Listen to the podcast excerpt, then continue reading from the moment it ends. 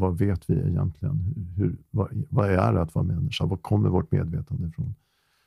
Och Det är det vi behöver. Vi, och nu pratar jag både om psykiatrin, men jag pratar om vår kultur också, tycker jag behöver det. Öppna upp för helt nya perspektiv på vad det är att vara människa. Du lyssnar på podcasten Perspektiv. Intentionen med de här samtalen är att skapa ett samhälle av välmående och stärkta individer. Mitt namn är Madeleine Mofjärd och jag är här för att lyfta nya perspektiv. I veckans avsnitt möter jag Johan Stiernstedt som är psykiatriker och psykoterapeut som länge har arbetat som överläkare inom psykiatrisk öppenvård och under de senaste tolv åren har jobbat som privatpraktiserande psykoterapeut.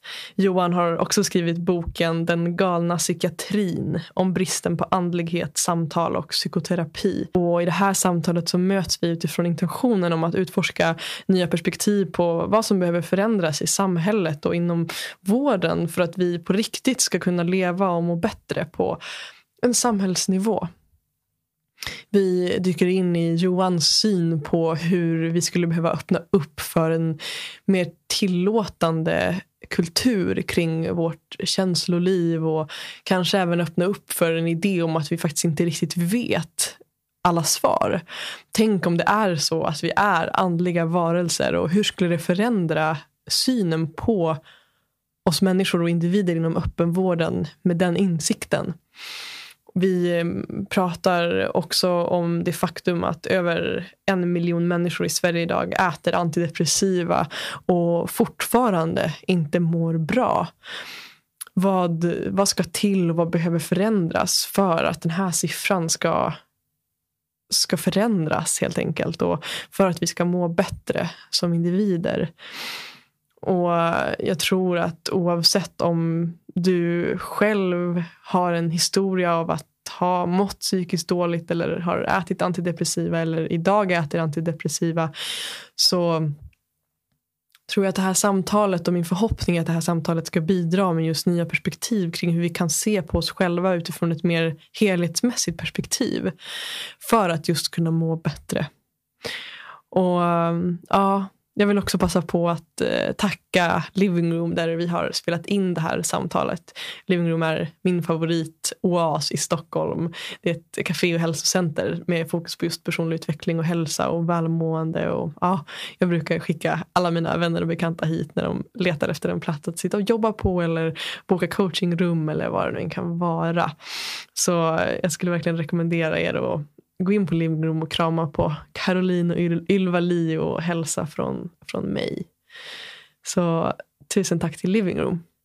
Jag ser också väldigt mycket fram emot att få höra från dig som lyssnar. Jag eh, tror att det här samtalet och hoppas att det här samtalet ska väcka reflektioner, insikter och tankar. Och ja, jag längtar efter att få höra vad det här samtalet väcks, väcker i dig. Så hör gärna av dig. Jag heter Madeleine och du hittar mig på Instagram under namnet Mofjärd utan ä. Så vi ses där helt enkelt. Och nu mina vänner så har det blivit dags att välkomna Johan till samtalet. Hej och välkommen Johan Stiernstedt till podden Perspektiv. Tack så mycket.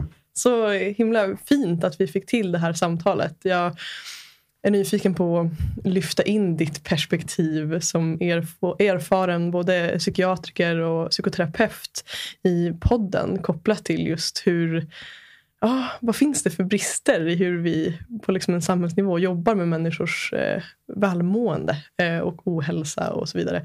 Och um, som jag var inne på innan vi tryckte på, på, play här på inspelningen så är ju det här ett perspektiv som är helt nytt för den här podden. Så att det ska bli extra, extra nyfiket och spännande att möta dig. Okej, okay. mm. det låter ju fint. Ja, så vi får se vart vi hamnar. Och innan vi dyker in i det här samtalet så skulle jag vilja höra med dig hur, hur du mår. Eller kanske hur, hur det känns att vara Johan Stiernstedt idag. det känns så Johan Stiernstedt. eh, ja, men det känns, jag hade lite stress i morse för att det var en sak jag skulle hinna. Men, eh, nej, men det känns bra. Det känns fint att sitta här. Mm, ja. Fint. Mm. Ja, förhoppningsvis kan vi landa lite här. Ja. um, och när du tittar tillbaka, eller inte tittar tillbaka utan liksom här och nu i vardagen, i livet och sådär? Är det någon speciell plats där du har din, din uppmärksamhet just nu? Eller din nyfikenhet eller ditt fokus sådär, um, i livet? Någon speciell plats som är fokus för mig i livet? Nej, det kan jag inte påstå sådär direkt. Jag är engagerad i mitt jobb såklart, ja. men, men det finns ju en massa annat också. Mm. Mm. Men eh, vi kommer nog prata mer om mitt jobb. Ja, förhoppningsvis. Ja, jag har bytt jobb sen. Jag, jo, men jag kan ju säga det när du frågar på det sättet att eh, jag har ju de senaste tolv åren jobbat som privatpraktiserande psykoterapeut. Men sen tre månader tillbaka så jobbar jag på ett eh, ställe utanför Oslo som kallar sig världens första medicinfria psykiatriska sjukhus. Men i praktiken är det inte helt medicinfritt. Vi bedriver, bedriver mycket medicinetrappning. men vi försöker ha så lite mediciner som möjligt. Och jag är bland annat där för att lära mig. Jag pendlar dit.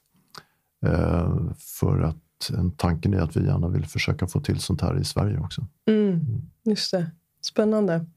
Ja, Ja, och jag, precis. Jag blir jättenyfiken på att dyka in i det här och de olika skiften också som du har gått igenom i, i din liksom, karriär. Så. Mm. Det tycker jag också är intressant att du har, som du beskriver, jobbat inom psykiatrin i många år som, som överläkare och liksom varit en del av, av öppenvården på det sättet och sen också sadlat om till att jobba under 12 år, eh, som du beskriver, eh, som privatpraktiserande psykoterapeut. Mm. Vilket för många kanske ser det som två helt skilda liksom, yrken och på många många sätt så kanske de också går ihop i linje. Och då blir jag nyfiken på att höra eh, vad skulle du säga har varit din liksom, drivkraft om du tänker om man drar det som en röd tråd genom eh, dina olika yrken. Så. Vad har varit din drivkraft och din, liksom, din önskan att skapa i de yrkena du har valt?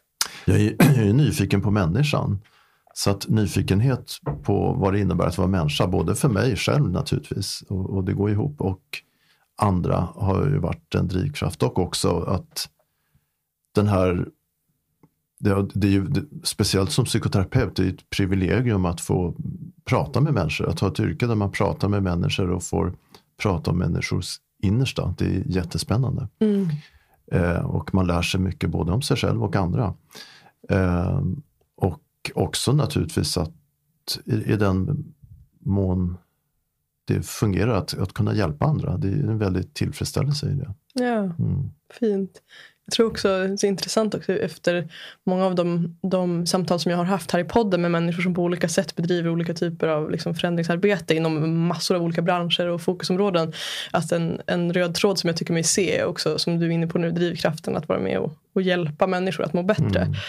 Det, ja, det, det, är inspirerande tycker jag att höra. Och sen nämnde du ordet förändring nu ja. också. Och det, det, det, sa jag inte själv, men det har också varit en drivkraft att det är så mycket som jag från början har tyckt är galet i psykiatrin och eh, vill gärna bidra till en förändring. Ja. Mm, fint. Och jag är också en person som gillar att gå på djupet och därför blir jag också nyfiken på att höra om du kan se några kopplingar till liksom, tidigare erfarenheter i ditt liv, kanske till och med från när du var liten, liksom, som har skapat den här drivkraften? Alltså var tror du det kommer från i dig att du har det här, det här behovet och den här drivkraften? För det är långt ifrån alla som mm. känner att de vill vara med och förändra och bidra. Mm, liksom. mm. Kan du se några sådana? Eh? Jo, men det kan jag definitivt. Jag, vi, vi var, jag har tre syskon, men länge var Alltså vi en syskonskara på fyra och jag var nummer tre det dröjde länge innan min yngst, jag var tre av fyra, min lillebror dröjde länge innan han, han är nio år yngre. Så att jag var under väldigt många år yngst av tre syskon då. Och eh, jag hade svårt att göra min röst hörd. Utan jag hade två äldre syskon och, och mamma och pappa. Alla pratade så här och det var ingen som lyssnade på mig. Det var liksom en, en sån där jag anklagar ingen för det, men, men eh, det var liksom den roll i familjen som jag kom in i. Att Eh, jag fick nästan skrika om någon skulle höra mig. Och det tror jag präglade mig en del. Sen var, var jag väl ganska allmänt känslig sådär. Eh, och eh, sen som ung vuxen där mellan 20-25 så mådde jag inte alltid så bra. Jag hade ångest ibland. Det var ingen större fara. Alltså jag jobbade och, och eh, klarade mig själv och sådär. Men, men jag upplevde att, må, att ha det psykiskt jobbigt. Mm. Och det har nog också varit, sen började jag må bättre vart efter åren gick. Men den gamla erfarenheten har säkert funnits som en drivkraft. Just det. Mm. En typ av medkänsla liksom, och förståelse kanske också. Ja, det Utifrån att, eh, ja, hur, hoppas jag. hur det kan vara. Ja, precis. Ja, ja, men det, det tolkar jag absolut. Mm. Ehm, mm. Och jag tänker det eh, kring liksom, alltså resan då till att du valde att, att börja jobba inom eh, psykiatrin. Mm. Eh, för du är också legitimerad läkare, eller hur? Ja. Stämmer. Ja. Hur, eh, hur skedde, finns det någonting så som kännetecknar den resan? Alltså när, när du tog det steget att bli... Nej, jag, alltså jag var 28 år och hade två barn. Eh, eller ett, ett andra på väg. När jag, jag var 28 när jag började läsa till läkare. Så att innan där åren, eh, så, som jag sa, jag mådde inte alls så bra. Men jag var också väldigt sökande och jag, jag gjorde resor och provade olika sorters jobb. Och, eh, men när jag började läsa till läkare så hade jag nog redan klart för mig en slags syn på människan och en världsbild som, som jag har behållit sedan dess. En, en slags tro på att vi, eh, vi ändå har en själ och att eh, vi, vi är mer än bara fysiska varelser. Eh, det, är, det hade jag med mig från start. Så att redan, och sen visste jag nog från början att det var något åt det psykiatriska hållet jag ville jobba med. Att jag ville också kanske förändra på en del. Jag tror att tankarna fanns med mig redan runt 30-årsåldern där. Eller när jag började läsa till läkare. Och sen har det fortsatt så. Sen, sen var jag väldigt många år. Eh, det tog, tog ju många år att bli klar läkare. Och eh, sen var jag väldigt många år inom den psykiatriska öppenvården. Och eh, det var lärorikt på många sätt. Men jag fick ju också se väldigt mycket som, eh, som jag inte tycker fungerar bra. Ja. Just det. Jag blir också nyfiken på, för du beskriver det här att, att din, din syn på människan som att vi har en själ. Och du har också skrivit i din, i din bok Den galna psykiatrin om bristen på andlighet, samtal och psykoterapi. Eh, att, och den kommer vi komma in på mer tänker jag. Men bara för att kort knyta det till ditt val att jobba som läkare. Och så Mm. tänker jag att utifrån också det jag har läst i boken att du, du har också det här andliga perspektivet på Mm. människan och på livet i, i sin helhet. Liksom. Mm. Och där vet jag inte om det är mina fördomar eller vad det är. Men jag har Ja, men det är väl absolut en fördom jag har då om läkare. Att det, att för mig så ser jag inte ordet läkare eh, och sen ser jag liksom andlighet bredvid. Ehm, Ja. och, och det är klart, så är det inte i alla fall. Och, Men jag blir också samtidigt nyfiken på hur, hur, hur, hur de två delarna av dig har liksom fått sammanflätas i ditt yrke som läkare. Ja, alltså, och jag vill säga från början då att andlighet för mig, jag, jag är inte klassiskt religiös eller så. Utan vad, vad jag tycker brister, inom, inte minst i psykiatrin, det är en öppenhet. Det finns nästan ingen öppenhet för att det kan ju ändå vara så att vi är mer än bara vår kropp. Det kan vara så att vi är mer än våra signalsubstanser i hjärnan. Vi vet egentligen inte hur tankar och känslor uppstår. Vi har inte den blekaste aning om hur det kommer sig att vi överhuvudtaget är medvetna varelser, att vi har ett medvetande. Och alltså finns det ingen öppenhet för tank, det finns väldigt lite öppenhet för andra tankar än att allt bara skulle handla om signalsubstanser och kroppen. Ehm, nu har jag glömt bort vad du frågade. Men Ja, det var precis.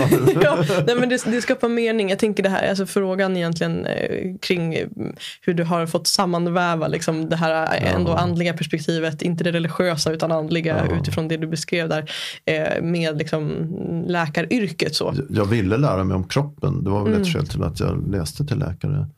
Jag tyckte väl från början att det var rätt spännande att, att lära sig om vad, hur kroppen fungerar och sådär också. Ehm, men sen var under mina år inom den offentliga psykiatrin så var det jobbigt många gånger eftersom den bygger mycket på eh, farmaka och piller och sådär. Sen, fick jag, sen var det inte lika illa när, när jag, det var på slutet av 80-talet som jag kom in i, var klar läkare och, och sen dess jobbat mest inom psykiatrin. Eh, då var det inte lika illa. Det här är ju, vad blir det, 30 30-35 år sedan. Eh, det var inte lika illa med att det var så pillerdominerat då som, som det sen under tiden jag varit yrkesaktiv. Det är precis den tid då det fullkomligt har exploderat med mer och mer piller och farmaka. Och mindre möjligheter till samtal och psykoterapi skulle jag vilja påstå. Mm. Så att det har blivit mycket värre under den tiden jag har varit yrkesaktiv. Men från, även från början så, så var jag väl ganska kritisk till en del tendenser. Men jag fick stå ut med det mm. under mina år där. Och jag håller med dig om att det är ju så jag upplevt det själv. Du sa att man, man kan uppleva att psykoterapeut, jag vidareutbildade mig alltså sen till legitimerad psykoterapeut.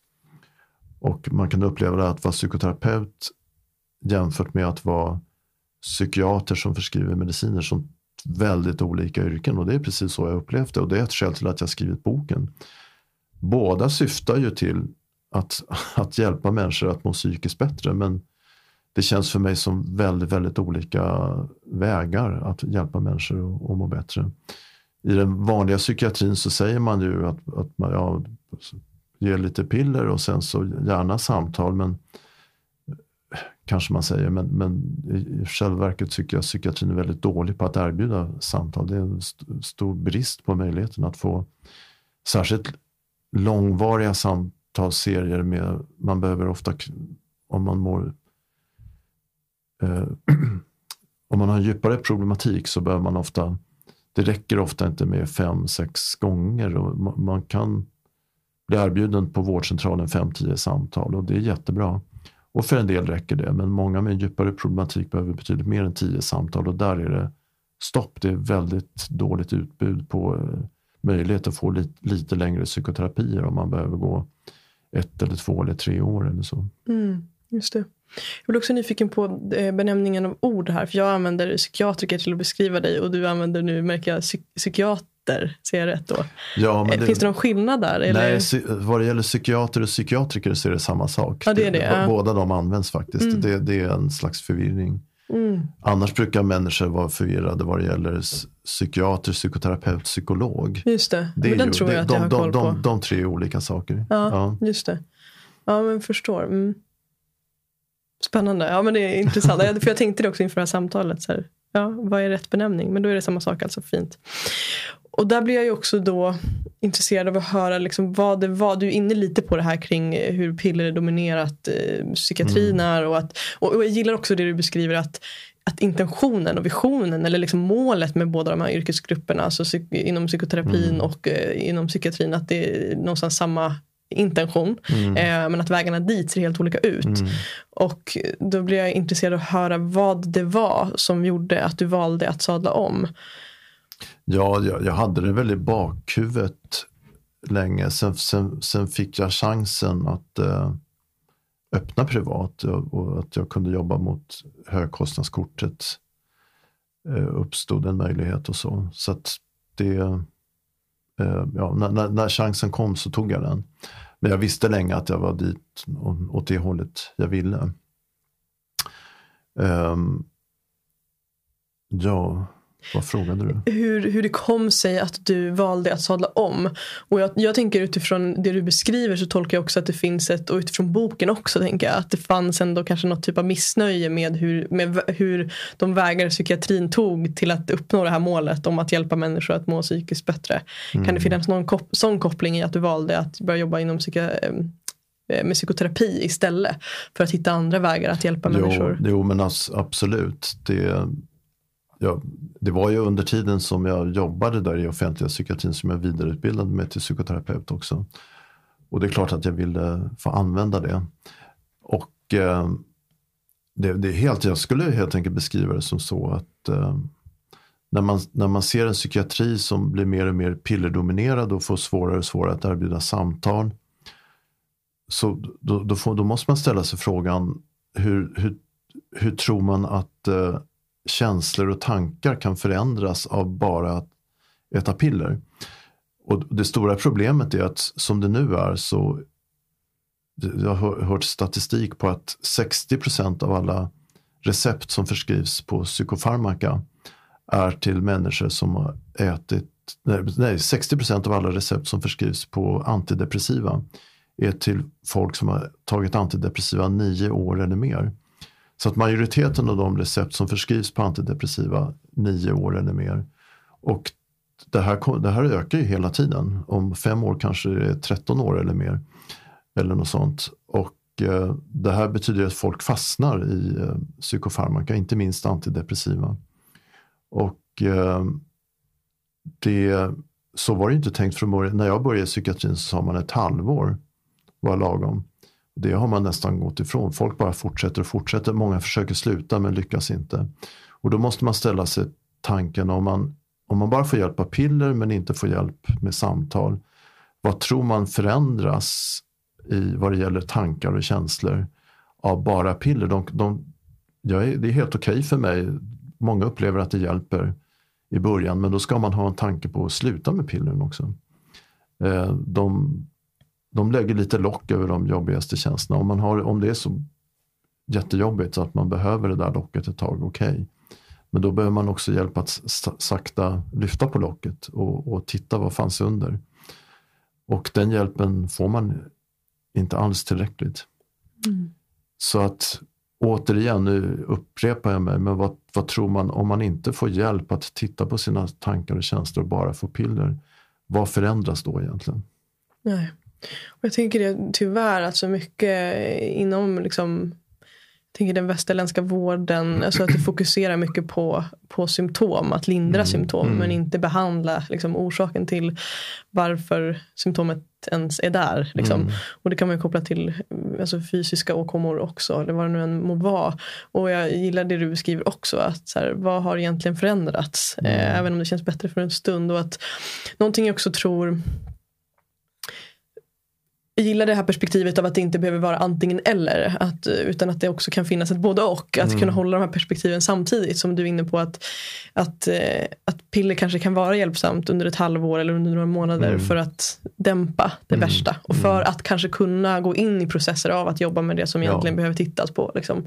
Och att, för det tror jag också det är lätt att kanske uppfatta då annars när vi lyssnar på det här samtalet. Eller när någon som lyssnar på det här samtalet uppfattar det som att nej, piller är dåligt bara. Men liksom att, det, att det att de här perspektiven kan samexistera och att vi kanske behöver ha liksom, fler än en insats. Piller räcker kanske inte bara. Nej, men jag håller fullkomligt med om den beskrivningen. Utan mm. det är det här att människor fastnar i... Man, man har ju länge sagt att så kallade bensodiazepiner, det är Sobril och Valium och den typen av namn på dem, Stesolid. Det vet man, det har varit en debatt sedan 60-70-talet att de är beroendeskapande, att de är lite som alkohol, man får abstinens och sådär. Sen har psykiatrin länge sagt och säger egentligen fortfarande att det antidepressiva inte är beroendeskapande. Men det finns jättemånga vittnesmål om att folk fastnar, folk har svårt att sluta. Det är, det är inte samma sorts abstinens som av bensodiazepiner eller alkohol. Det är en annan sorts abstinens, eh, men, men likväl så fastnar folk och har väldigt svårt att sluta med dem. Så mm. de, är, mm. de är också beroendeskapande. Intressant perspektiv ändå det här av att alltså om man då skulle utgå från att de inte är det men mm. ändå tittar på vad de faktiskt gör med oss. Alltså det här att om de dämpar det jobbigaste ja. så tänker jag att oavsett om inte liksom det aktiva ämnet i pillerna är det som skapar beroendet så tänker jag att det ändå går att bli beroende av känslan av att ja, det, det här ja. kändes lite lättare liksom, ja, än vad det gjorde innan. Ja, så kan man se det, att det dämpar. Och, och, så att när man då försöker, jag har träffat jättemånga som har haft de här just i 5, 10, 15 år och som har försökt sluta flera gånger. Och som jag tänker och säkert flera andra så är det flera faktorer som, dels är det det du nämner att om man då lyfter på locket, alltså många har försökt sluta flera gånger och misslyckas. Lyfter man på locket så kommer ju de gamla känslorna tillbaks igen. Och då behöver man vad, vad, som behövs och det är det vi jobbar med i Norge nu till exempel. Där, att då behöver man ju stöd och hjälp att jobba med de tjänster som då kommer upp igen. Som kanske har varit lite nedfrysta i åratal. Eh, sen är det ju också som så, sen har ju ändå pillren trixat med signalsubstanserna. Så att folk känner fysiska symptom eh, när, när, man slutar och det kan också vara jobbigt.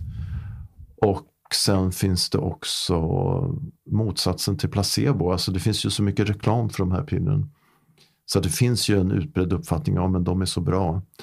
Och eh, jag har nog serotoninbrist. Det är också något som eh, saluförs väldigt mycket. Att man, man får den för, så många tror att de har serotoninbrist, vilket verkligen kan ifrågasättas. Och eh, då, då, då drabbas man, skulle jag säga, av motsatsen till placebo. Placebo är den här positiva sockerpillereffekten. Och här drabbas man av motsatsen till placebo, heter nocebo. Och om man då tänker, ja men jag behöver nog dem, nu, nu mår jag sämre, jag, jag, det är nog så att jag har serotoninbrist och jag måste nog ha de här pillren.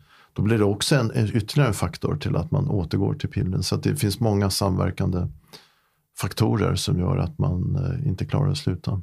Mm. Jag tänker någonting som, för nu är du också inne på det här med liksom just att titta på våra känslor. Alltså vad är det som mm. dyker upp inom oss? Dels när vi, alltså när vi slutar med, med, med piller som vi har ätit under lång tid och så vidare. Och det vet jag, någonting som jag skulle vilja citera från din bok också, där du skriver just det att det har byggts upp en kollektiv kultur som innebär rädsla för känslor, i alla fall om de är jobbiga. Det leder till att människor inte vågar känna det de faktiskt känner. Mm. Det bidrar också till en minskad förståelse för att känslor är ofarliga och att man faktiskt inte går under av att känna dem. Och den är så fin eh, och sorglig på samma mm. gång. Eh, och ett så viktigt perspektiv. att mm Ja, att, att vad händer med oss när vi blir lärda det här? Mm. Eh, att känslor är, är farligt. Mm. Hur eh, skulle du vilja utveckla det? Alltså, hur ser du på den? Eh, ja, det, den tanken som slår mig när du läser upp det här är att det skulle inte förvåna mig om det finns de som lyssnar som inte håller med. Och, ja, men jag vet ju hur vidrigt det är och, och, och jag står bara inte ut och ångesten är så svår och jag är beredd att ge upp. Eh, och det, det, det kan vara sant i sig, att det kan kännas outhärdligt. Men jag tror ändå att det finns i vår kultur rätt mycket att, att det är jag, jag, tror att det skulle kunna finnas mycket större svängrum i vår kultur för att känslor i grunden, alltså det finns egentligen ingen känsla man dör av så att säga. Men det kan kännas hur vidrigt som helst, men, men då behöver man också hjälp och stöd. Att att jag, jag, rekommenderar inte, jag säger inte att man bara ska sitta hemma utan någon kontakt. Och liksom, det kan, man kan göra det och är man tillräckligt stark så kan man försöka klara mycket själv. Men, men, men är, man be, många gånger behöver man ju stöd av en, eh, en vän eller en terapeut. Att eh, våga känna fullt ut. Och i, psykoterapi och olika terapeutiska tekniker så är det det går ut på. Att verkligen få stöd att känna känslan fullt ut. Och det kan kännas jättejobbigt och det kan kännas nästintill outhärdligt och jag vill inte leva med mera smärta, alltså verkligen psykisk smärta. Men återigen, man dör inte av att känna känslor. Och det är lite mer av det perspektivet som, som behöver in. Men jag, jag vill lägga till där, man, man behöver ju stöd för, för att orka och våga känna igenom känslorna. Precis. Och um, Det är också intressant, när du pratar så kommer det till mig, jag blir påmind om ett annat avsnitt som jag hade i podden med en kvinna som heter Jessica Ekman. Där, hon, eh, där vi pratar lite om just det här med känslor. Liksom. Och, mm. och hon beskriver också hur hur hon, alltså hon berättade mycket om sin egen resa kring att ha, ha upplevt väldigt mycket ångest under näst, i princip hela hennes liv. Till att ha med hjälp av olika liksom, ja, men, psykoterapi och olika liksom, behandlingar så stöd eh, kunnat öppna liksom, och, och, mycket med hjälp av att faktiskt känna känslorna som finns under ångesten mm. har liksom öppnat upp för en helt mm. ny tillvaro i hennes liv. Och och där sa hon någonting som jag tyckte var intressant som jag aldrig hade tänkt tidigare. Att liksom, tänk om ångest inte egentligen är en känsla. Alltså, tänk om ångest inte är en känsla utan ångest är det som dyker upp när vi förtrycker ja, våra precis. faktiska känslor. Det där var ett jättebra perspektiv Eller och, och, och, och, så, så kan man absolut se det. Mm. Och du beskriver det bra där att ångest är ju ofta den här inre konflikten att kämpa man är på väg att känna någonting men det här känns så läskigt så det vågar jag inte. Och så kämpar man med att inte känna, kämpar med att förtrycka det som är på väg upp. Och, och så kan man ju hålla på i årtionden egentligen. Precis. Utan det är precis som du sa, vad, vad ligger under ångesten? Och, och, och, vad är det för smärta som ligger där? Vad är det för psykisk psykiskt sår? Vad är det för gammalt trauma? Vad är det för gamla upplev upplevelser? upplevelser som ligger där? Och det, det, är också intressant, för jag tänker det här som i det som jag läste upp från boken också, det här att det finns en sån rädsla för att känna eh, de känslor som kanske vi klassar som jobbiga då. Mm. Och det är också intressant, jag tänker utifrån min egen resa och det, känns, det kändes nu relevant att dela det att jag kommer från en bakgrund av, av att ha haft en liksom, stabil psykisk hälsa. Jag har tidigare mm. tänkt så här, men jag är jättevälmående. Liksom. Mm. Eh, för liksom, säg fem år sedan innan jag påbörjade min resa i att liksom, verkligen komma i kontakt med mig själv och förstå mig själv mer på djupet så, så sågs jag nog ofta som en väldigt positiv person. Alltså min, min, min, jag, jag upplevde nog mig själv som välmående. Så. Mm. Eh, och det som sen har hänt under min resa till där jag befinner mig idag är att jag upplever att jag jag har blivit en mer levande person och mer öppen mm. person tack vare att jag har öppnat upp för mer känslor än bara det som var det här positiva, ja. glattiga mm. som jag ser idag i alla fall. Um, för att där jag befann mig då vågade jag inte titta på det som också var smärtsamt. Mm. Och det jag upplever nu att jag har behövt gå igenom en resa av att precis som det du beskrev om i boken, att jag var jag kom på mig själv liksom, i 20-årsåldern att jag hade i princip inga minnen av att jag har gråtit i mitt mm, liv. Mm. Och helt plötsligt så kom jag i kontakt med mina tårar liksom, och spenderade en hel sommar med att gråta mer än jag någonsin hade gjort. Vilket mm. var extremt utmanande och jobbigt. Mm. Och tänkte många gånger att jag har, liksom, jag har tappat mig själv, jag har förlorat mig själv. Jag är inte längre den här positiva Madde som jag trodde mig vara och såg mig vara och det som är så intressant nu då är att jag verkligen efter att ha då kommit liksom ut mer på andra sidan av det där och har ett nytt förhållningssätt till mina känslor. Att mer se dem som vågor som kan liksom flöda genom mig. Mm.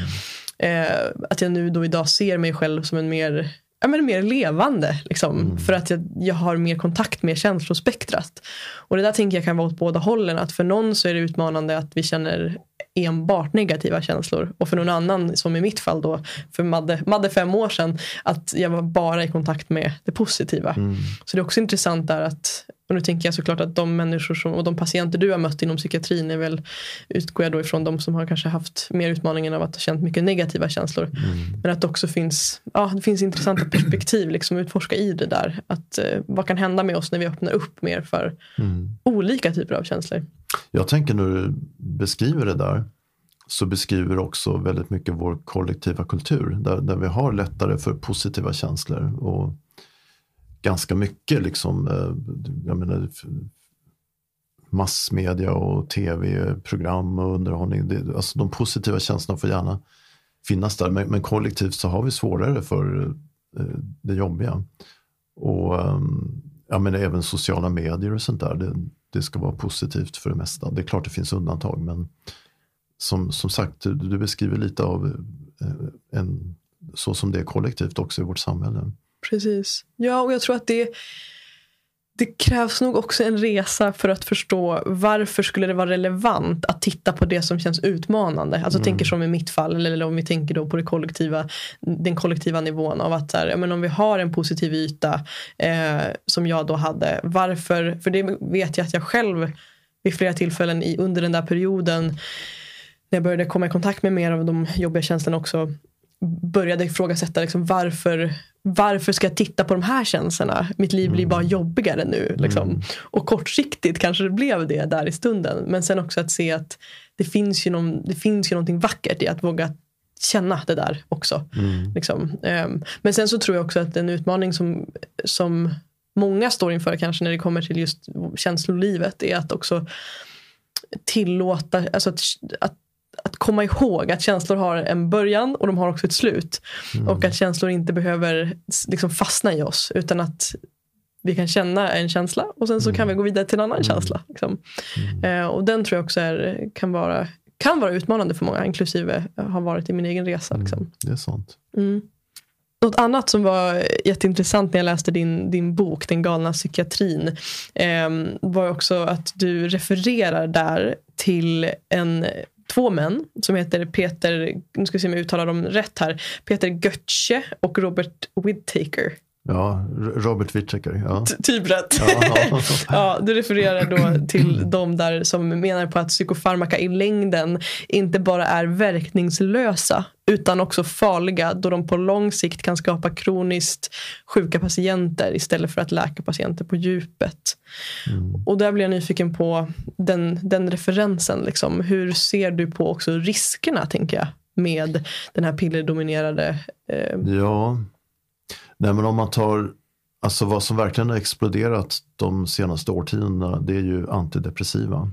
Och nu ger man ju antidepressiva till ungdomar också. För 30 år sedan så sa man på BUP så sa man att nej vi, det var väldigt sällan man gav piller överhuvudtaget på BUP. Vi, vi ger inte piller till växande barn sa man på 70 80-talet. Och nu eh, har, jag tror av unga vuxna så, där, så är det 5-6 procent som medicinerar med antidepressiva. Eller något sådär, eller, eh, och, och, det har ju ökat explosionsartat. Man ger väldigt mycket till unga vuxna. Och det gäller ju, din fråga gäller oss alla i största allmänhet. Jag är väl mest upprörd över hur, hur det är med ungdomar. Men alltså om man tar, om man tar ungdomar där så återigen så är, är ju risken att man eh, eh, begraver en problematik och, och, när man inte får hjälp ordentligt med den, att, att det förvärras. Eh, och eh, sen med ungdomar överhuvudtaget att man ger, det, det är ju biverkningar också. Antidepressiva har sexuella biverkningar. Att, att ge piller som dämpar sexualiteten och, och eh, gör sexualiteten mycket svårare till eh, i en tid då man ska upptäcka sin sexualitet. Bara det väcker eh, väldigt mycket frågor. Med mera, med mera, vad det gäller alla människor. Det finns Alltså att, att gå i årtionden och dämpa sitt känsloliv. Man, man kan ju bara ställa sig den enkla frågan, vad, vad gör det med en människa på lång sikt? Jag vill inte skrämma någon, men, men eh, det beror kanske lite på eh, hur höga doser och sånt där man har. Eh, men, men men man, man behöver ändå ställa sig frågan. Sen tror jag att det finns lite frågetecken också med antidepressiva. Vad, alltså, det finns en del som tyder på att det kan ge en viss benskörhet om jag minns rätt. Och lite sån Alla piller har sina biverkningar. Sen tror jag Robert Whittaker och Peter Götze tänker också mycket på antipsykotisk medicin. Det har inte ökat lika explosionsartat. Det, det, där är, det har ökat något men inte lika mycket som det andra Men där kan man ju säga att de medicinerna, om man medicinerar mot psykos, eh, det är ju inte lika stor del av befolkningen som gör det, men ändå. Eh, så de sänker, alltså antipsykotisk medicin, neuroleptika sänker medellivslängden med, tror jag runt 15 år eller något sånt där. De har otroliga biverkningar, ökad risk för hjärtinfarkt, höga blodfetter, fetma med mera, med mera. Eh, så, så de är ju direkt eh, fysiskt skadliga skulle jag vilja påstå. De, de dämpar ju också känslolivet på sitt sätt. Mm. och därför refererar de till forskning som de menar på att innan neuroleptika, antipsykotisk medicin kom in i psykiatrin i stor skala på 50-talet så de, de, de refererar till statistik som tyder på att Eh, psykotiska sjukdomar inte varade lika länge på den tiden. Att, att de här medicinerna kanske så att säga konserverar eh, eh, sjukdomen under längre tid. Att det, börjar man medicinera med det här, det, det, de ter sig väldigt effektiva i början. Då. Men om man har det under lång tid så kan det förvärra problematiken. Att man fastnar i sjukdomen. Just det.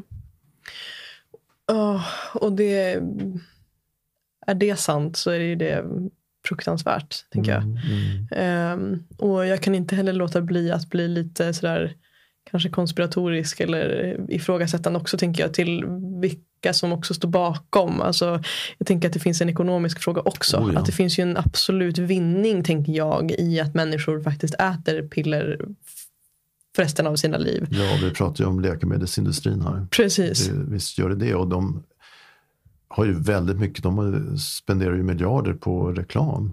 Och läkargruppen är ju inte immun mot reklam utan Absolut, eftersom de spenderar på så mycket framförallt riktat till läkare men också till patientföreningar och patienter som sen efterfrågar pillren. Så, så når ju, eh, det betyder ju att alla är mottagliga. Läkare och patienter och anhöriga.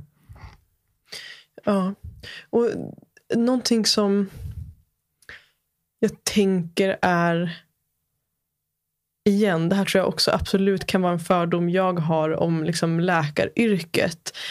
Um, men att jag tolkar också, så här, jag tänker att det finns en nyckel i och med, jag tänker min intention med podden, att lyfta olika perspektiv. Alltså att, att ha nyfikenheten påkopplad inför att vi kanske inte har alla svaren. Mm. Och där tänker jag att mina fördomar då om läkaryrket i sin helhet liksom, eh, säger då, eller, eller, min bild av det då är att det skulle vara liksom en, eh, en kategori av, av människor, nu verkligen generaliserar jag, som är ganska instängda i att så här är det. För det är det mm. här jag har lärt mig på utbildningen. Precis. Det är det här som är svaret och det här är liksom, this is the blueprint. Um, Finns det någon sanning i det? Ja, tack för att du tog upp det. Och, och det, precis det skriver jag om i min bok också. Och det är det, jag tycker att det är så som du beskriver i alldeles för hög grad. Och det är det jag menar med andlighet. Jag, jag vill inte pracka på någon, någon religion eller jag vill inte ens pracka på någon min... Jag har min tro som jag är ganska övertygad om att jag tror väldigt starkt att vi har en, en själ som överlever döden. Tycker att nära döden upplevelser och väldigt mycket annat tyder på att vi i alla fall måste öppna oss för det. Men det, det jag vill säga är framförallt att, att det saknas en öppenhet för att vi inte vet. Vi, och det är faktiskt det som, som det, det du tar upp, att det är väldigt mycket vi inte vet. Eh, och även kvantfysiken och ställer en massa frågor. Det olika partiklar står i kontakt med varandra på oändliga avstånd. Och de kan inte själva, de här fysikerna, svara på hur olika saker kommer sig. Så att det, jag tycker det är jätteviktigt att ha det här perspektivet att det är oerhört mycket som vi inte har svar på. Och, och därför behöver vi öppna oss för att vi inte vet en massa saker och att, men att hela sanningen kanske inte, faktiskt inte är att det är så enkelt som att allt, hela medvetandet och tankar och känslor uppstår i signalsubstanserna i hjärnan och så ska vi bara påverka det med piller. Eh, för det är den dominerande tron det är, det, som har kommit att dominera psykiatrin. Och jag tycker också det är viktigt att, att se att, att den ensidigt materialistiskt, kan säga, ateistiska världsbilden, det är också bara en tro. Men, men det finns en tendens i dagens vetenskapssamhälle och psykiatri att på något sätt utstråla att det är vetskap, men det är det inte. Det är, det är en tro bland andra. Men det känns fel att en tro får dominera så mycket eh, och, och, sätta sin prägel så mycket på eh, behandling och eh, hur vi närmar oss det här. Det, det, där är jätteintressant jag tänker ofta på det också. Jag tänker när, när vi pratar om forskning eller det behöver vara evidensbaserat eller mm. liksom, att, eh, att vi lägger så stor vikt vid det. Och så tänker jag då att det är också intressant att den forskning som har gjorts är ju också baserat på vissa valda sanningar om vad som är oh ja. relevant. Liksom. Ja. Så att det finns ju egentligen ingenting som är objektivt i, runt oss. Liksom. Eh, vilket också blir ett intressant perspektiv. Det finns ju så oerhört mycket outforskat som inte kan bli evidensbaserat för att det går, det går inte ens att göra en undersökning Nej. på det idag.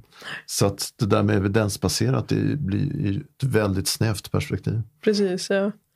Ja, verkligen. Det, ja, intressant. Jag blir nyfiken också på att gå lite djupare i det. Hur du ser på att alltså, om vi skulle öppna upp för ett mer andligt perspektiv. Eh, eller det här perspektivet som du beskriver också med orden av att, eh, alltså, att öppna upp för idén av att vi kanske inte har alla svaren. Liksom. Mm.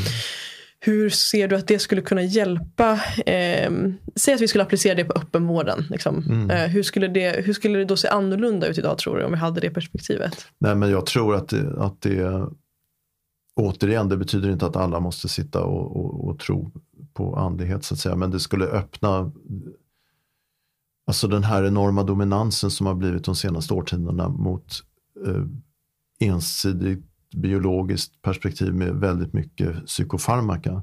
Det skulle brytas, utan det skulle bli en mycket större öppenhet mot en återgång och, och, mer än tidigare av, av eh, olika psykoterapeutiska tekniker. Det, det, finns ju massor av olika psykoterapiformer.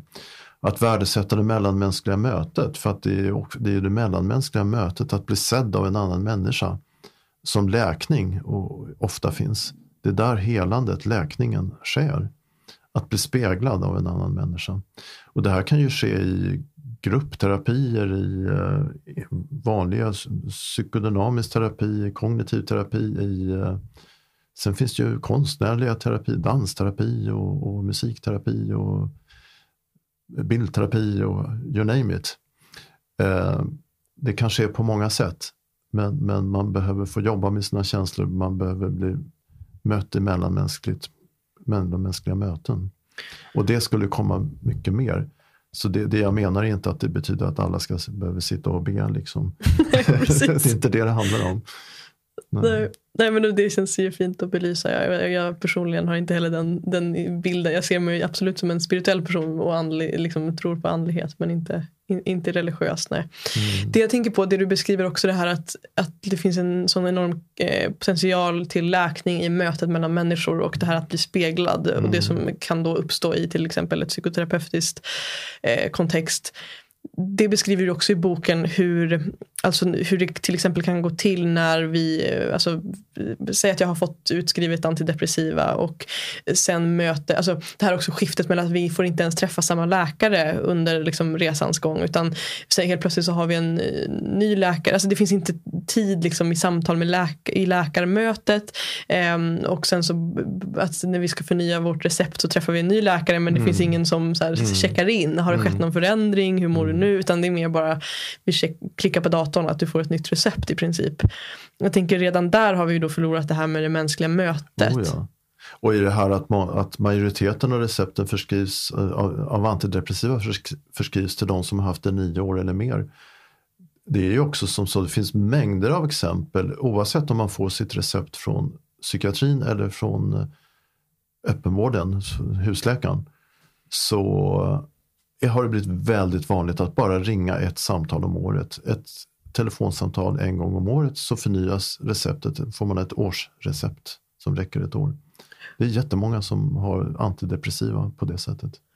Jag tänker också att det, det det skapar ju också en bild, eh, kan jag tänka mig, i individ. Alltså, äh, om jag nu utgår från att jag skulle vara en individ som har gått på antidepressiva i nio års tid. Mm. Så tror jag också att det skulle skapa en bild av mig själv. Alltså en in, liksom inter, internaliserad idé om mig själv. Att jag är så här. Mm. Eh, jag, liksom, ja, det här att jag blir min sjukdom mm. eller mina mm. symptom. Mm. Eh, kontra känslan av att jag kan förändra det här.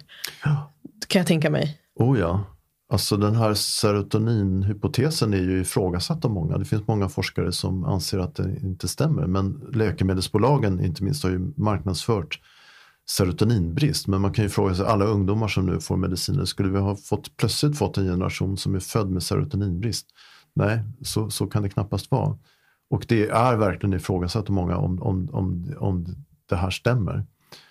Sen är det naturligtvis sen är det också frågan om orsak och verkan. Naturligtvis måendet, det går att mäta på EEG och, och mm, blodgenomströmning i hjärnan och med, med mera eh, eh, magnetröntgen och sådär. Så kan man se förändringar i hjärnan som, som är sammanlänkade med hur man mår. Men psykiatrin ser ju ofta det som om man blandar ihop orsak och verkan. Jaha, nu ser vi något där på den delen av hjärnan och det är kopplat till att må så här och så här. Ja, det måste vara orsaken, där har vi felet. Men då glömmer man bort att man kan ju lika gärna tänka att man har mått, självklart mår man på ett visst sätt så blir det avspeglingar i hjärnan. Vad är orsak och verk, verkan, vad är hönan och vad är ägget? Det vet vi ju alla att, att våra känslor och tankar påverkar kroppen direkt. Vi, vi, blir vi rädda får vi hjärtklappning. Sexualiteten är väl ett exempel på hur kroppen får ett omedelbart gensvar på hur vi tänker och känner. Men varifrån tankarna och känslorna kommer, det vet vi ju inte. Eh, som sagt, det är lite av ett mysterium som vårt medvetande. Mm. Som jag har sagt nyss. Men, men är, man blandar ihop orsak och verkan ofta. Just det. Det olösta mysteriet ja. om tankarna och känslorna. Ja. Mm. och, och du var också inne på det här, vissa, det har ju också blivit väldigt mycket diagnoser och många identifierar, det blir ju en trygghet för en del att jag har mött en del som säger jag har borderline.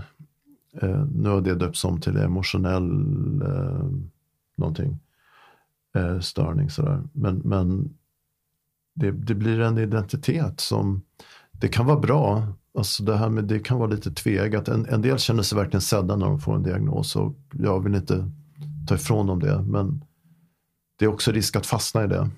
Eh, en, och, och, så finns det förvisso, en del känner sig sedda, en del känner sig stämplade. Så att folk är olika där.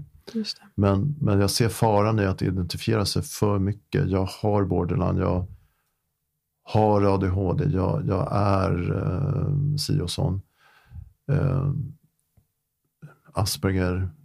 Det, det, det är viss, jag är bipolär. Bipolär är en sån här diagnos som har blivit väldigt, en del säger bipopulär, mm, väldigt van, vanlig. Ja. Liksom ADHD och Asperger de senaste 10-20 åren.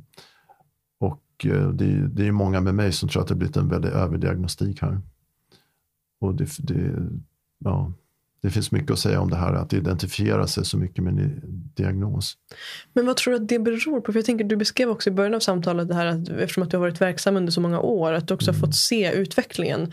Eh, liksom, eh, att, att det har gått från att inte alls har till exempel ja, att, att du har sett den här förändringen hur mm. det har, har blivit.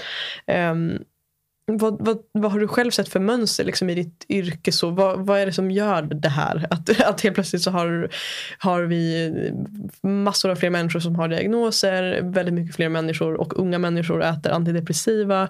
Mm. Vad tror du att det här eh, har att göra med? Oj, ja det är en stor fråga. Har du lösningen? ja. Nej men det det är nog många, finns nog många svar på den frågan. Men att samhället på sätt och vis har blivit tuffare.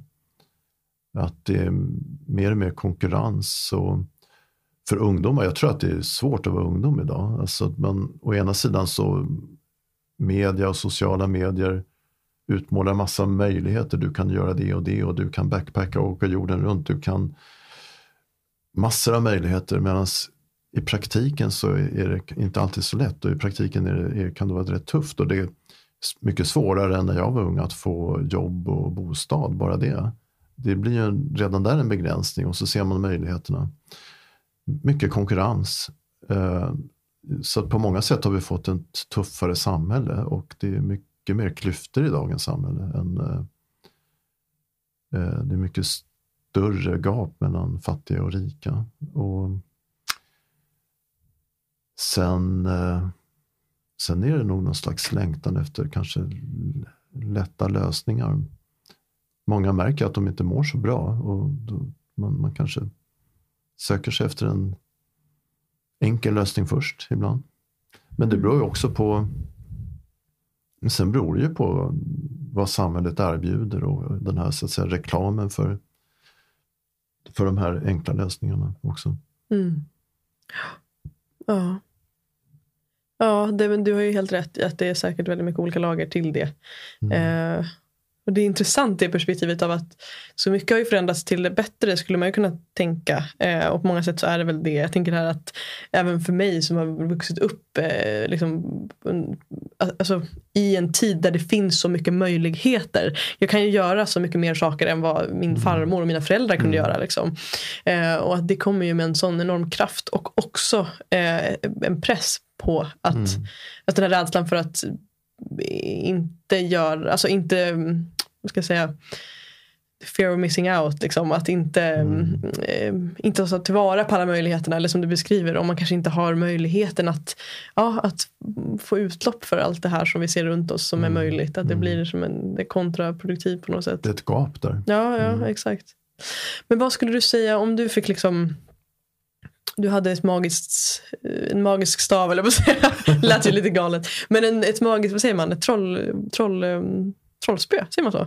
Okay. Trollstav. Ja, ja. du har en trollstav och du fick eh, direkt eh, liksom, utföra tre stycken förändringar i samhället. Eh, eller liksom inom öppenvården, det kan vara på den nivå du själv känner eh, passar. förändringar. Precis, vad Ja. skulle de tre sakerna vara, tänker du, som skulle kunna bidra till att människor får må bättre? Ja, ja, om man tänker, om jag tar psykiatrin först så, jag skriver lite om det i boken att i, jag skulle vilja att man kunde ar- arbeta väldigt mycket mer lättare att få olika, någon form av psykoterapi.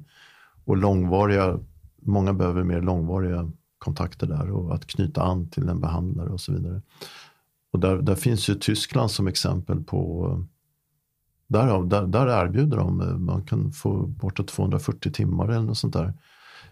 Eh, och de har, så att det är betydligt fler människor i Tyskland som går i terapi och de har, någonstans stod det att det var hälften så mycket, så stor psykofarmakaförskrivning som vi har.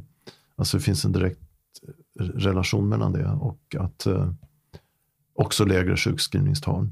Så jag skulle verkligen vilja att, att det var lättare att få eh, andra behandlingar än bara eh, piller. Sen på en samhällsnivå så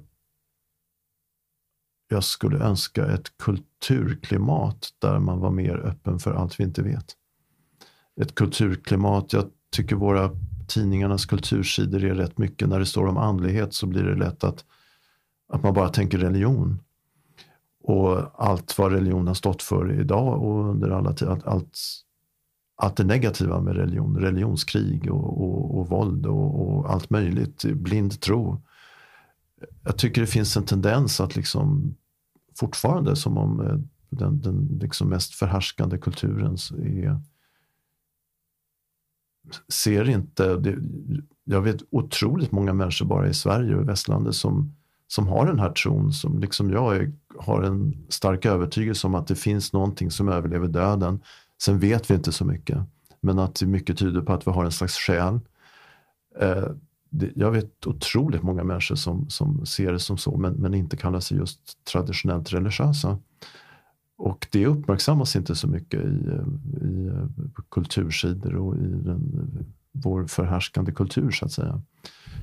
Det skulle behövas någon slags förändring där, där, man var mer öppen för, som sagt, för andlighet, det vi inte vet. Har vi en själ? Frågetecken.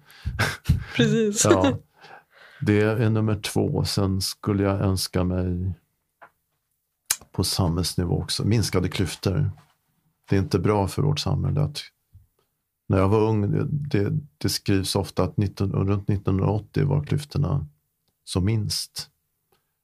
Sen har de bara ökat och det, ingen mår bra av att klyftorna ökar. Mm. Mm. Mm, fint, jag tror vi skulle komma långt med dem, Mm. de förändringarna verkligen. Och för att börja avrunda det här samtalet, jag märker att tiden springer iväg. ehm, Så är jag nyfiken på om du har några boktips eller andra liksom källor för lyssnaren som känner att eh, den vill ja, men dyka djupare in i de här frågorna. Eh, Och självklart vill jag också rekommendera din bok, Den galna psykiatrin, som jag själv har fått möjlighet att läsa nu inför vårt samtal. Ehm, Jag tänker utöver, utöver den. Ja, du bad mig innan här fundera på det och då, Mm. då tänkte jag på, eh, på böcker som jag har läst men de finns ju knappt att köpa längre. Det som har påverkat mig mycket det var en, på 70, mitten av 70-talet så kom eh, Raymond Moody med I dödens gränsland och den handlar om nära döden-upplevelser och det var en ögonöppnare för mig. Sen har det kommit mängder av litteratur så det finns naturligtvis massor litteratur idag. För, för det är ju miljontals människor som har haft nära, det är flera procent av befolkningen som har haft nära döden upplevelser. Och som upplever det väldigt verkligt. Som upplever det ibland nästan verkligare när man kommer tillbaka till kroppen. Som ser sin kropp utifrån och sådär. Så den, den, det var Raymond Moody som på 70-talet skrev första moderna boken om det här. Och det var en ögonöppnare för mig. Men det finns säkert massor av litteratur att köpa om Mm. det nu. Och googla. Det står ju hur mycket som helst på nätet om detta. Vill bara flika, flika in där innan du får fortsätta med dina tips. Det finns också en väldigt bra Netflix-serie, jag vet inte om du har sett den. ehm, som heter, nu ska vi se, jag kommer inte riktigt ihåg vad den heter. Den heter en Life After Death jag, kanske? tror, jag tror jag har sett, den har väl funnits ett något år. Va? Ja, den är inte helt ny, men den, Nej. ja, något år. Ja. Där de, man får möta olika människor som har haft Mm. nära döden upplevelser och hur det har format dem. Liksom. Mm, jo, men jag, jag såg den. Ja, ja. Jag tror att det är den du Ja, pratar om. ja. Alltså, den Den kan vi också nämna till de som lyssnar.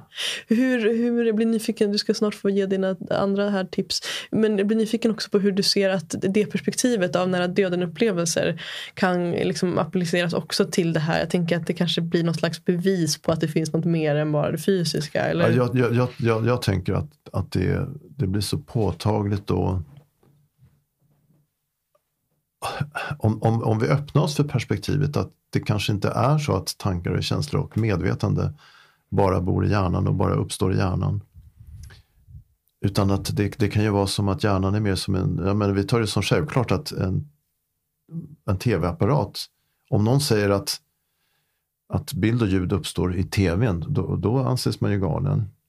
Men säger man samma sak, eh, om, snarare att man anses galen om man säger att eh, bild och ljud för en människa, tankar och känslor uppstår utanför hjärnan, då anses man lika galen. Precis.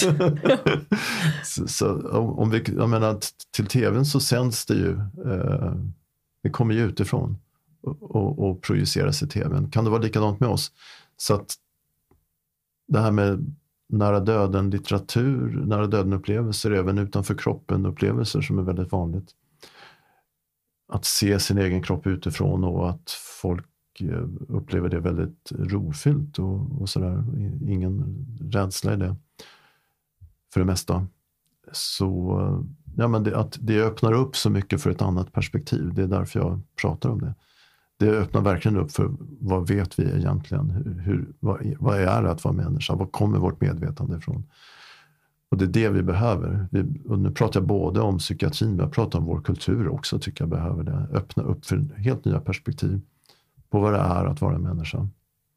Mm, fint. Ja, spännande. Mm. Du, tänkte avrunda men jag vill dyka in djupare i den där frågan. Märker jag. För det vore intressant också att lyfta här i podden märker jag ett, ett perspektiv kring det här med döden. Och jag tänker det får bli ett Mm. helt annat samtal. Du kanske har tips också på personer och, och prata med det om. Men just det här att som du beskrev att, att nära döden upplevelser sällan kommer med rädsla. När du väl är i upplevelsen Mm. så är det snarare kanske många som beskriver det som någon typ av stillhet och rofylldhet. Och liksom, ja, Många vill inte ens återvända till Nej, kroppen. precis. Och, de, och väldigt många säger att det här var verkligare än, än den här verkligheten. Och de säger också väldigt vanligt att, eh, att rädslan för döden har försvunnit helt och hållet. Mm. Ja, efter att ha varit med om det, Mm, precis. mm. Och den är intressant också, jag tänker då, för vi många människor går ju runt med rädsla för döden, att det Mm. kanske är det värsta vi ser Ja, framför oss. precis. Och tänk om vi inte behöver vara rädda för det. Mm, Tänk om ja. det, ja. ja, spännande. Nästa mm, tips, har du några fler boktips där? Det såg ut som att du hade några fler på, på känn. Vad var det jag tänkte igår när jag fick... eh, Nej, men du frågade igen vad jag påverkas av och då är det återigen en sån här gammal... eh, Det finns en amerikansk psykiater som heter eh, Brian Weiss. Han skrev på 90-talet flera böcker om eh, tidigare livsupplevelser så och hypnos. Han är inte den enda, det finns massor som har skrivit böcker om hypnos till tidigare liv och ibland så har man ju kunnat påvisa, folk minns olika saker som sen stämmer med historiska fakta och sådär. Och det, det, det var också något som jag tyckte var väldigt spännande. Också så här ögonöppnare av, ja, tänk om det är så. Mm. Att vi har levt många liv. Nu, nu vet vi inte hur allt funkar men eh, återigen har vi en själ som är något mer än den här kroppen som vi... Det blir ett annat perspektiv på att vara människa om man, om man bara tänker att jag är min kropp och, och mina tankar och känslor uppstår i hjärnan. Då tänker jag i alla fall att det ganska lätt blir, ja det gäller att ta för sig så mycket som möjligt innan jag dör här. Det blir lite egocentrerat perspektiv, men det blir ett annat perspektiv om man ser sig själv som en mer, kanske, säger jag, jag säger inte att vi vet, men det, kanske en evig varelse som, som man kanske inte måste stressa lika mycket på. Man, det kanske är andra saker som är värdefullare än vad vi kan roffa åt oss så snabbt som möjligt här i livet. precis. Tänk vad samhället skulle se annorlunda ut med, Ja. den, med den insikten. Ja. Mm. Det tror jag också, på tal om det med tidigare liv, så tror jag också i den här serien som vi var inne på och pratade om, att där var det också en liten pojke tror jag, tycker jag mig minnas, som hade minnen av hur han hade varit med i liksom en flygkrasch och liksom olika typer, han kunde beskriva hur han hade minnen från, från ett tidigare Mm, liv. mm. Och sen när de kollade upp det liksom i gamla tidskrifter och tidningar och så vidare så stämde Ja, allt det han berättade Ja. stämde liksom överens med Det finns hans må- minne. många sådana Mm. exempel. Ja. Så Ja. häftigt. Ja.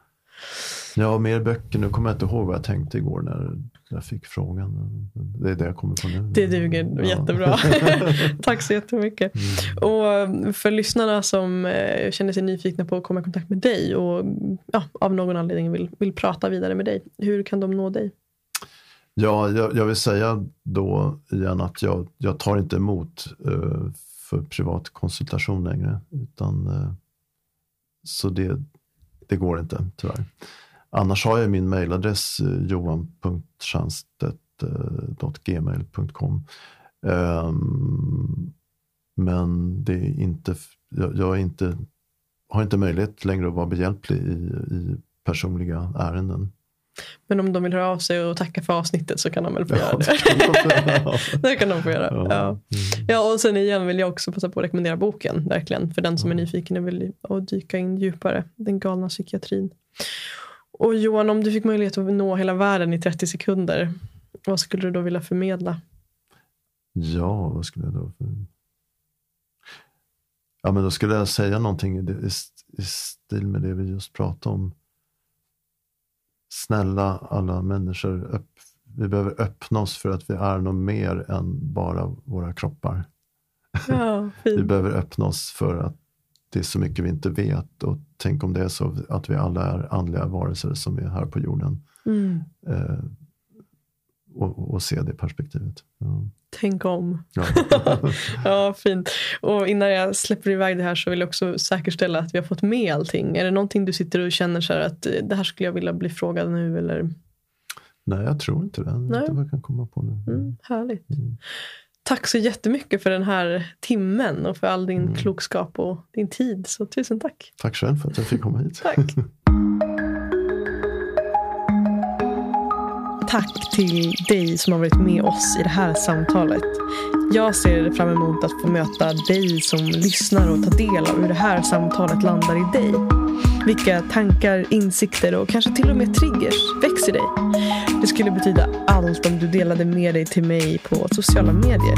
Skriv till mig eller posta på din story och tagga mig så låter vi det här samtalet leva vidare. Du hittar mig på Instagram under namnet Mofjärd utan ä och på Facebook vill jag också välkomna dig till den slutna gruppen Mofjärd Community där vi möts för att prata vidare och lära oss av varandra och, och varandras perspektiv. Du hittar länken i beskrivningen till det här samtalet. Tack igen för att du är här.